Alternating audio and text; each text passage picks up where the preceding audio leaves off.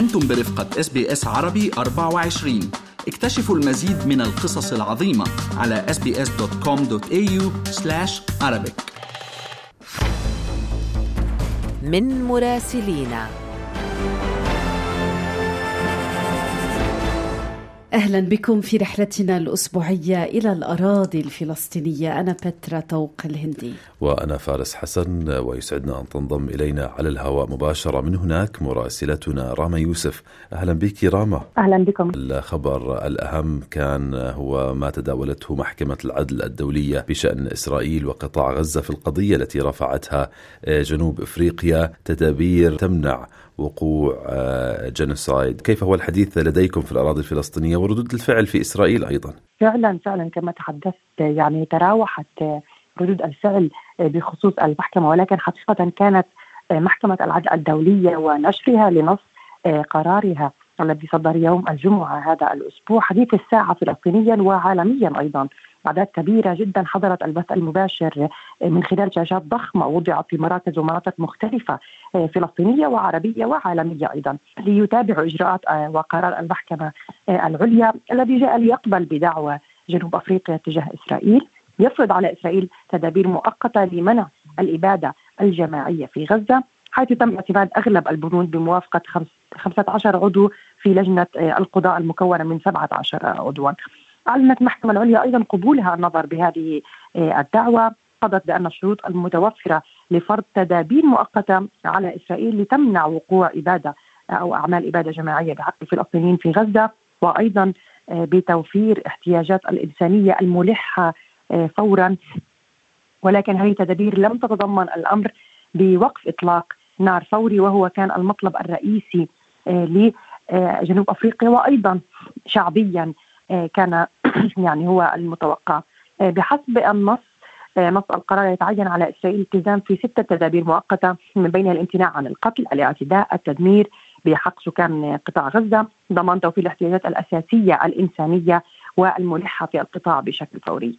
هذه الأصداء تراوحت يعني ردود الفعل تحديدا تراوحت ما بين الترحيب بالقرار أهميته اتجاه كل ما يجري حاليا في قطاع غزة وأيضا عدم الرضا أو وصفه بأنه خجول وأنه في ظل عدم إقرار وقف لإطلاق النار يبقى تلويحا بقضاء أو حتى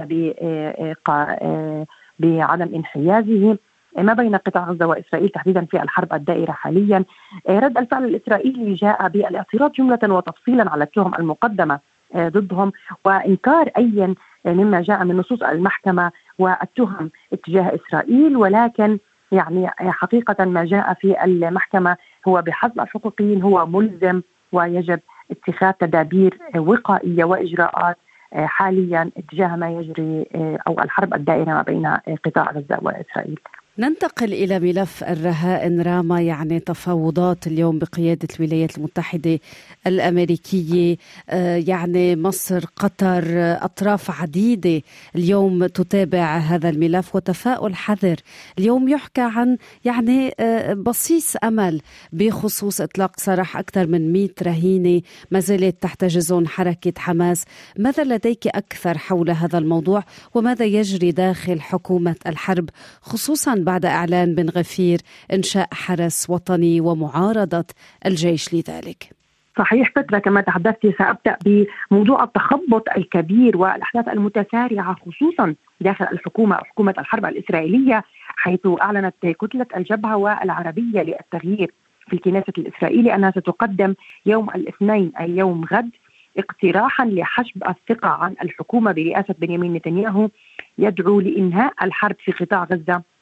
وأيضا في بيانها هذه الكتلة أعلنت اقتراحا لحجب الثقة عن الحكومة يدعو لإنهاء الحرب إبرام صفقة تبادل الاسرى وإطلاق مسار سياسي نحو عملية سلام. شدد هذا الاقتراح على أنه لا بديل عن إنهاء الحرب لإطلاق مسار سياسي جدي يفضي إلى إبرام عملية سلام عادلة. بوتيرة متكررة أيضا تشهد إسرائيل عمليات تحركات سياسية تطالب بتغيير الحكومة أيضا مما زاد من هذه التخبطات داخل الحكومة إعلان الجيش الإسرائيلي ووزير الحرب يوآف جالانت معارضتهما لاقتراح وزير الأمن القومي إتمار بن كبير إنشاء حرس وطني. نقلا عن موقع ويلا الإلكتروني الإسرائيلي أن جلنت والجيش الإسرائيلي أعلنا معارضتهما لمقترح الوزير بن كفير كما وطالبوا الحكومة الإسرائيلية بإجراء مناقشات مهنية إضافية قبل الموافقة على هذا القرار. أيضا وجه وزير الدفاع الإسرائيلي آه، يؤاف جالانت رسالة حادة إلى وزير الأمن القومي إتمار بن كفير أعرب فيها عن معارضته لتأسيس الحرس الوطني كهيئة منفصلة عن الشرطة مما سيؤسس ويزيد من الصعوبات أمام الحكومة ويشتت انتباه النظام الأمني. طبعا اللجنة التي أنشئت لفحص إنشاء آه، هذا الحرس الوطني اجتمعت عشرة مرات بالفعل حتى الآن. وأيضا ظهر عدد من الخبراء الأمنيين أمام اللجنة بعضهم كان رفيع المستوى أبلغوا أعضائها أن إنشاء مثل هذه الهيئة التي تتبع للوزير بن كبير مباشرة هي كارثة حقيقية. بخصوص القمة المنتظرة في باريس أو الدائرة حتى الآن للتوصل إلى اتفاق جديد بخصوص المختطفين الإسرائيليين في قطاع غزة وإيقاف الحرب الدائرة منذ ما يقارب الأربع شهور حيث وصل رئيس الموساد الإسرائيلي لفرنسا هذا اليوم للقاء المفوضين من الولايات المتحدة الأمريكية قطر مصر بشأن هذه الصفقة المنتظرة والتي هي صفقة رهاء محتملة مع حماس بحسب تعبيرهم. آخر ما جاء في الإعلام الإسرائيلي أن هناك بعض التقدم في المحادثات إلا أنه من السابق لأوانه أن يكون هناك أي تفاؤل تجاه هذه الصفقة حاليا. نعم راما دعينا ننتقل من قطاع غزة إلى الضفة الغربية والتي ما زالت تقبع على صفيح ساخن مع استمرار المواجهات ماذا لدينا من تفاصيل في الضفة اليوم؟ كما تحدثت يعني الضفة الغربية ومدينة القدس ما زالت الاشتباكات المسلحة دائرة بها ما زالت هناك تسجل عدد كبير من الاعتداءات القمع الاعتقالات عدد كبير من المناوشات حاليا آه، تجري يوميا بشكل شبه يومي آه، تقريبا عمليات مسلحة أو اعتقالات وحتى قتل ودمار في البنية التحتية وفي القرى والمحافظات في الضفة الغربية. توسعت دائرة الاعتقالات تحديدا لتطال العشرات من الفلسطينيين في مختلف المحافظات الضفة الغربية لهذا الأسبوع. اندلعت مواجهات أيضا بين مسلحين فلسطينيين والقوات الإسرائيلية في جنين في طوباس طول كرم أريحة رام الله. وعدد كبير من المحافظات في الضفة الغربية وفي القدس وأيضا الاعتقالات شملت مدينة القدس قلقيلية الخليل نابلس وجنين وكل هذه المحافظات يعني بشكل شبه يومي هناك عدد كبير من الأحداث من الاعتقالات وأيضا عدد كبير من المداهمات للمنازل والاعتقال للشبان والنساء أيضا.